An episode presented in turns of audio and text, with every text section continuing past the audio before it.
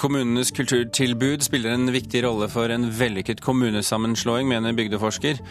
Regjeringen må åpne lommeboken mye mer om Hollywoods filmindustri skal komme til Norge på mer fast basis, hevder bransjen. Og en isbjørn, en løveunge og en kanin skal lokke barn til teatret. Du får høre mer fra vår teaterkritiker om Karsten og Petra og Kvitebjørn Kong Valemon litt senere i sendingen. Du hører på Kulturnytt i Nyhetsmorgen. Styrken i folks kulturelle identitet gjør at mange er skeptiske til at akkurat deres kommune skal slås sammen med nabokommunen.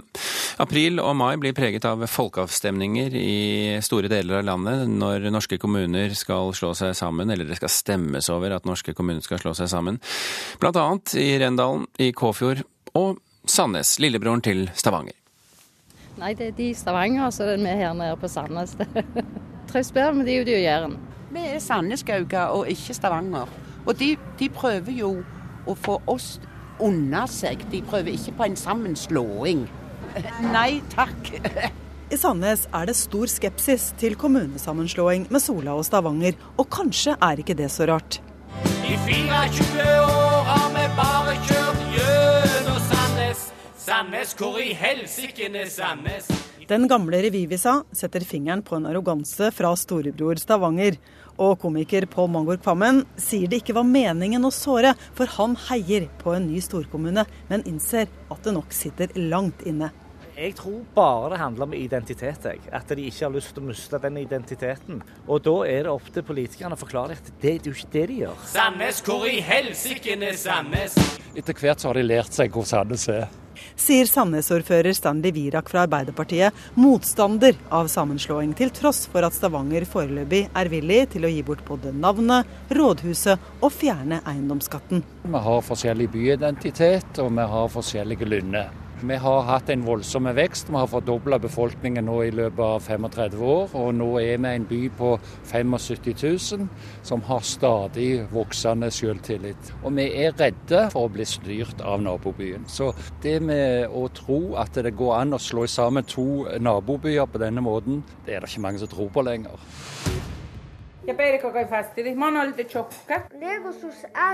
Samisk undervisning ved Mandalen skole i Kåfjord. I snart 25 år har norsk og samisk vært likestilte språk i Nord-Troms kommunen, hvor Vera Eriksen jobber som samisklærer. Det har jo blitt mer hva skal jeg si, stuerent i den private sfæren. Å både snakke samisk og være same, og synliggjøre det samiske. Ti kommuner i landet er med i det samiske språkforvaltningsområdet. I Kåfjord har det medført revitalisering av den sjøsamiske identiteten, forteller ordfører Svein Leiros. Jeg tror at det har vært alfa og omega for at man har klart eh, å bevare og, og jobbe fram den sjøsamiske identiteten i, i, regionen vår. Jeg bruker å si det sånn at man har gått fra skiltskyting til å bli en stolt Kåfjord. Beskytt skiltene, de samiske skiltene! For det var nettopp det som skjedde i Kåfjord på 90-tallet. Samiske veiskjelt ble pepra i protest mot at det samiske ble synliggjort. Nå frykter mange i Kåfjord at motstanderne av det samiske til slutt får viljen sin. Om Kåfjord slås i hop med kommuner der det samiske ikke står like sterkt. Da vil det samiske mest sannsynlig bli mindre synlig. Det blir ikke så store aktivitet aktiviteter rundt det. Og så blir det mindre fokus på det. Kan det ende med at uh, Kåfjord sier nei til kommunesammenslåing pga. denne saken? Ja, det tror jeg absolutt at Kåfjord For at det er en såpass viktig sak for Kåfjord. Vi har sjøl stått på barrikadene for eh, navnet på grenda vår. Øvre Rendalen, ja. I 1965 ble kommunen til Elin Sandbakken, Øvre Rendalen, slått sammen med naboen i sør, Ytre Rendalen. Et tvangsekteskap ingen ville ha. Det var vel kanskje to litt forskjellige folkeslag. Sier Arbeiderpartipolitiker Arne Hagetrø. Og samlivet i den nye Rendalen kommune, som i areal er større enn Oslo og Vestfold fylker til sammen, ble preget av dragkamper og stridigheter. Det har vel gått litt rått, denne sammenslåinga fra 60-tallet til nå. Nå pålegges de snaut 1900 rendøla å tenke enda større, men da har pipa fått en annen lyd. Vi har det best som vi har det nå. Når vi er fra sjøl. Det lykeste det er å være sjøl. Ja, det er bra. Nå skal vi bli ordentlig nå. Vi, vi ble glad i hverandre etter lang, lang tid. Men hva skyldes denne rørende nyforelskelsen etter at ekteskapet har halta i over 50 år? Jeg tror det er gjennom skolen og, og det som gjør at det uh, ble mer sammenslått med unger ytre og øvre. Og idretten. idretten. Ikke minst idretten med fotball og ski og det. Vi er en utkant med det som er, og vil bli en ekstrem utkant dersom vi blir slått sammen med en annen kommune. Men det åpnes jo òg for skilsmisse og mulighet for å finne en mer passende partner. Ja, men vi ønsker å være rendøler. Så da prater vi ikke splitting. Så nå når trusselen kommer utenfra, da står det godt sammen? Blodet er tjukkere enn vann, vet du. Det er det er kommunalt eller det er privat og familiært. Da det røyner på, så står vi sammen. Reportere her, det var Anette Johansen Espeland i Sandnes, Rune Norgård Andreassen i Kåfjord og til slutt her Torunn Myhre i Rendalen. Svein Frisvold, forsker ved Bygdeforskning. Hvorfor føler vi oss så annerledes enn nabokommunene? Ja, det er et uh, godt spørsmål, det. Uh, vi og en uh, kollega Reidar Almås vi forska på det her på oppdrag av KS i, i 2003. så vidt jeg vet den eneste forskninga som finnes på kommuner og tilhørighet. Og Der fant vi at det var tre viktige forhold som, eh, som, spilte inn eh, på det her. Det ene er jo da i hvilken grad det finnes interaksjonsarena, altså samhandling eller fellesarena. Her kommer jo da f.eks. kulturtilbud som skole og, idrett eh, og, og, og, felles kulturskoletilbud f.eks. Så har vi det her med identifisering.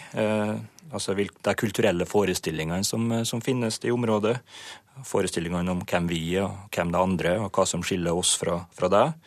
Og Her ble det jo pekt på mange relevante og, gode eksempel i innslaget, som etnisitet og språk, urban, rural, eh, tettstedsrivalisering og sånne ting.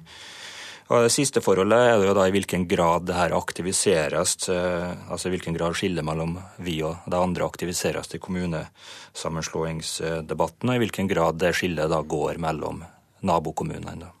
Men, men, ta Sandnes og Stavanger eh, for eksempel. For oss eh, som eh, ikke er til stede der, eller ikke bor der, vi, vi hører jo ikke veldig stor forskjell på språket f.eks. Og dessuten rent sånn geografisk så har jo disse kommunene snart grodd helt sammen. Hva er den store mm. forskjellen da? Ja, det er jo det som gjør Sandnes og Stavanger som et veldig illustrerende eksempel på det her. Da, fordi at sitter man og ser på kartet, så er det jo meningsløst å se på så to kommunene her som to kommuner. Det er jo i, i praksis eh, grodd sammen. Men, eh, men, eh, det som innslaget også viste, så har man jo da tilsynelatende bygd forståelsen på hvem Sandnes og hvem Stavanger er som gjensidig utelukkende. Og der kommer man jo da også inn på det som ofte er klassisk, med, med tettstedsrivalisering. Og når først der identitetsskillet er vekt i en sånn sammenslåing, så handler det jo også ofte om frykten for å miste den man er, og, ikke minst innflytelse over den videre utviklinga. For kommunen er jo kanskje en av de viktigste arenaene i forhold til å, forme og påvirke samfunnsutviklinga på lokalt. Og så har jo Kåfjord, som vi også var innom her, eh, eh, en litt sånn større problematikk knyttet til eh, det norske kontra det samiske, hvorav språk er en veldig viktig del. Hvordan skal, hvordan skal de klare å slå seg sammen uten konflikt? Nei, det, det samiske og det etniske i forhold til det norske, det er jo en eh, lang, lang historie med masse vonde ting i den. Eh, så det ser jo ut på som en stor utfordring, men der vil jeg jo tro at eh, at også de kommunene som man skal slå sammen med, da, er, er obs på og tydelige på denne problematikken, og, og, og i den grad det er mulig komme opp med garantier og mekanismer for at eh, det samiske uttrykket skal mm. også bestå offisielt. Da. Og så hørte vi også at det kan bli lykkelig ekteskap bare man tar tiden til hjelp. Oppe i Rendalen så er det jo 50 år er det som skulle til, så, så var det på plass. Eh, uansett, eh, tusen takk skal du ha, Svein Frisvold, for at du var med oss i dag.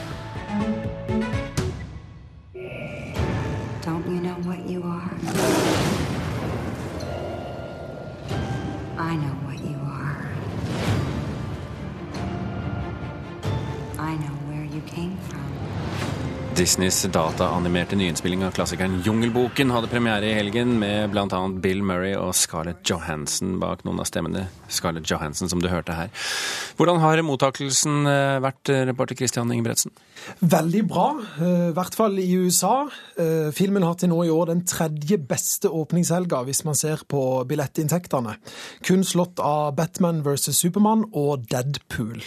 Nettsida The HD Room forteller at underholdningskonsernet Disney kan sette nær 104 millioner dollar, eller det som tilsvarer 850 millioner norske kroner inn på kontoen sin etter premieren i USA. Og her i Norge?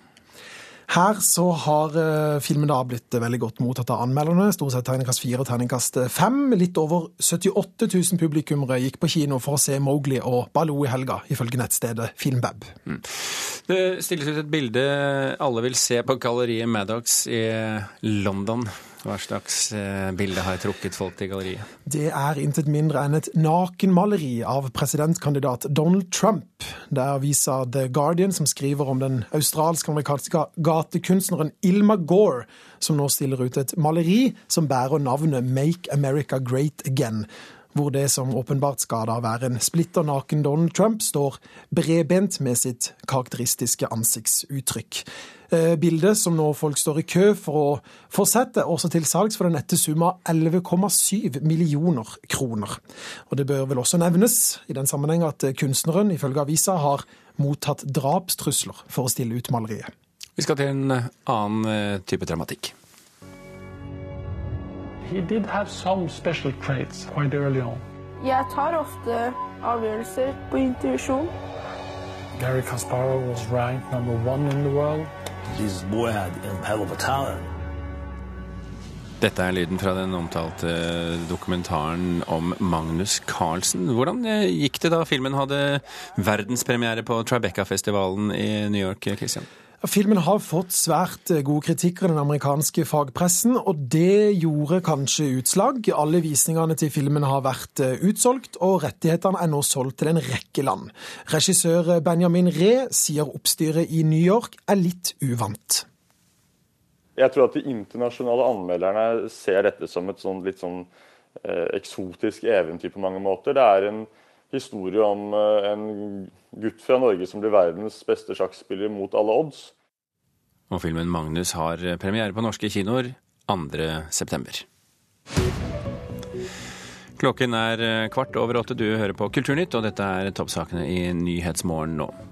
Brasils eh, president Dilma Rousef er ett skritt nærmere å bli stilt for riksrett etter at et stort flertall i Underhuset i natt stemte for. Nå går kravet om riksrett til behandling i Senatet. Oljeprisene har falt med over 5% etter børsåpning i Asia. OPEC-landene ble ikke enige om produksjonskutt i helgen. Og unge sjåfører er mer utsatt for trafikkulykker når andre ungdommer sitter på. I fjor omkom langt flere mellom 18 og 24 år i trafikken enn tidligere, viser foreløpige tall fra Statens vegvesen.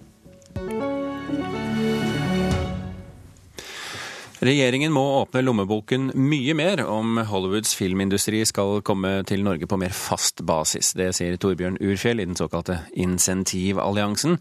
Det er de som eh, Altså, de består bl.a. av Filmprodusentenes forening, Virke og LO. Produsentene av Jo Nesbø-filmen 'Snømannen' fikk 40 millioner kroner for å spille den inn i Norge. Men før helgen hørte du kanskje at eh, Richard Hewitt, produsenten, sa til Kulturnytt at norske politikere ikke har skjønt hvordan en insentivordning må fungere for å friste. I think you have every opportunity to garner and attract new filmmakers, but you need to do it now.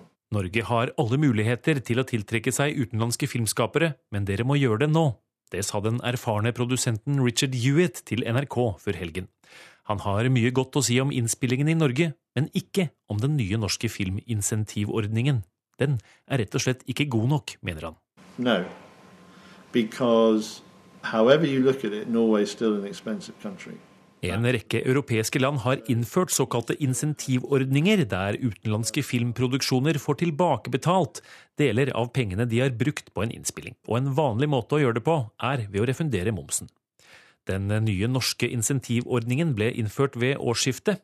Foreløpig består den av en pott på 45 millioner kroner. Fire filmer søkte om støtte, og Snømann stakk av med nesten hele potten. Likevel er ikke Hewitt fornøyd. It doesn't send out encouraging signals to an international filmmaker or to Hollywood if they think the money's already gone. They need to know the money's coming. De må gi tilbake mer enn 25% av det filmskaperne bruker i landet vårt, og det til alle som vil komme hit. Hewitt mener norske politikere ikke helt har forstått at en insentivordning genererer inntekter. Både ved at filmskaperne legger igjen mer penger enn det de får tilbake, og ved at filmer innspilt i Norge kan være en potensiell turistmagnet. It becomes a place that people want to come and visit because this is where they shot Harry Hole. Og reporter her, det var Gjermund Jappé. Torbjørn Urfjell, Produsentforeningen. Hva tenker du om Snømann-produsentens utspill her? Det er morsomt å høre Hewitt, og han eh, snakker jo i hvert fall ikke for seg sjøl, for han har fått pengene sine, han. Men det han peker på, det er hvordan andre vil tenke, og han eh, skjønner jo at eh, Hollywood-produsenter de er ikke interessert i å stå pent i kø og vente på norske budsjettmidler. Hvis en insentivordning skal virke, og det må være veldig bra for regjeringa og andre at det er så stor suksess for insentivordninga som det er hvis den skal virke optimalt, så må den òg være tro mot tanken om insentiver, nemlig at det er en automatisk ordning, at det er en refusjonsordning som du har en rettighet til når du oppfyller visse krav, at den dermed er sikker på at pengene kommer inn når du legger en produksjon til Norge. Altså ikke, altså ikke en post på Kulturdepartementets budsjett? Ja, nettopp. Bård Folke Fredriksen, statssekretær i Kulturdepartementet, er du enig? Ja, først og fremst må jeg si at Filminsentivordningen har vært en suksess. Allerede etter tre og en halv måned kan vi se at vi har fått mange søknader, og det er en stor interesse rundt den.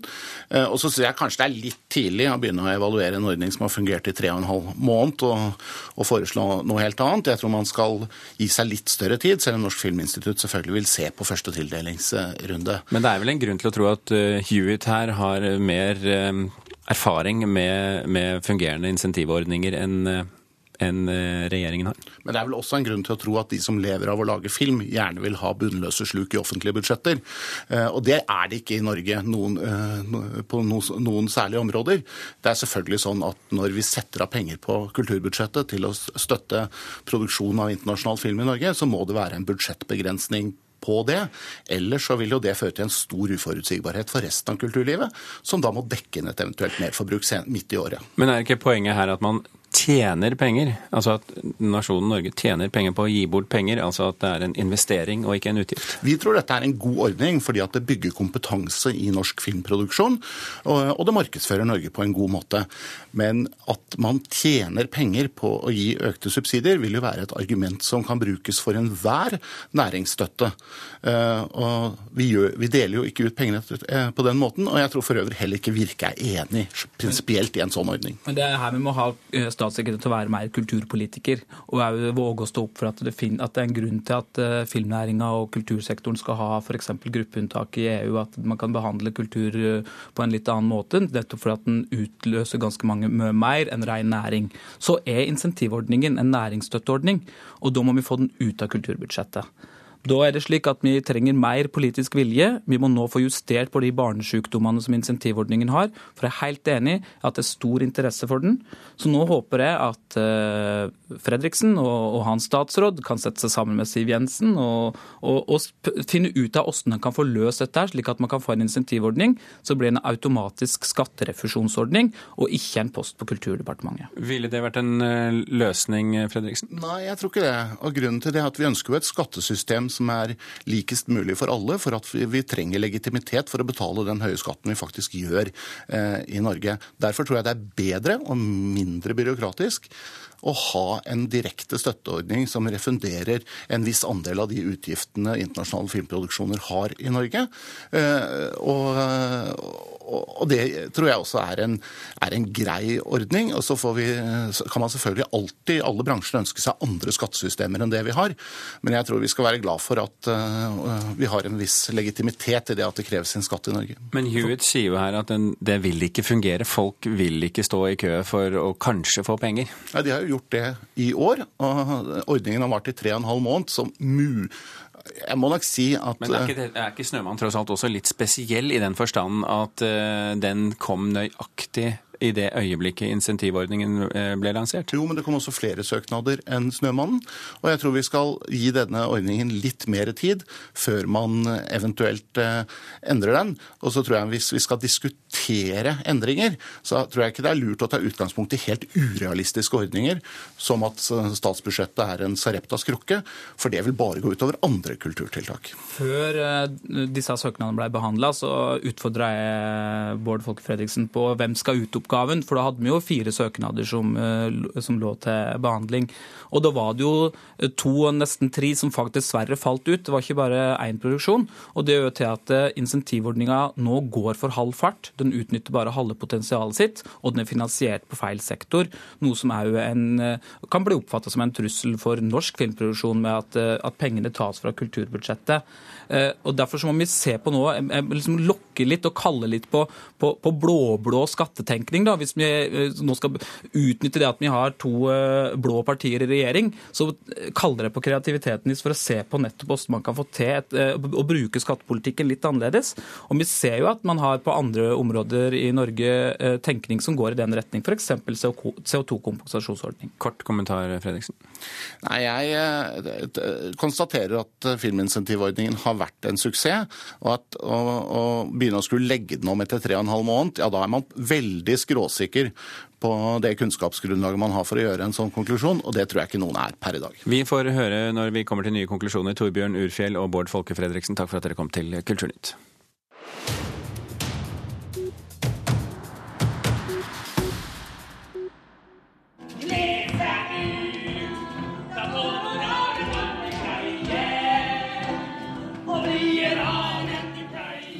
Her hører vi fra helgens ur for urpremiere på forestillingen 'Karsten og Petra'. Alle vil ha en bestevenn. Forestillingen spilles ved Torshov-teatret, en av scenene som hører inn under Nationaltheatret. Og allerede før premieren så var alle billettene solgt. Karen Frøsland Nystøl, teaterkritiker her i NRK. Er det grunn til å glede seg for alle som har kjøpt billett til denne forestillingen? Det er en veldig koselig og hyggelig forestilling de får på Torshov-teatret. Den er veldig gjenkjennelig, og det er jo mange, både barn og voksne, som er vokst opp med og er veldig glade i Karsten og Petra-universet. Så for barn fra tre år og oppover så er det helt topp å komme inn i bruktbutikken til pappaen til Karsten eh, og se alt det som utspiller seg der. Det er ikke Tor Åge Bringsvær som har skrevet teaterstykket denne gangen, det er Mari Vatne Kjelstadli ved Nationaltheatret Teatret som har dramatisert. Og det er fint, men det er litt for komplisert, spør du meg. For deg eller treåringene? Nei, for treåringene først og fremst. Det er mange parallelle, eller det er to parallelle historier. Den ene handler om Karsten som får nyss i at de kanskje skal flytte og syns det er helt forferdelig. Den andre historien handler om løvungen, kosedyret til Karsten, som savner Karsten, for Karsten har ikke tid til han lenger. Han leker bare med Petra. Og så lurer løvungen på om løve og kaniner egentlig kan være venner.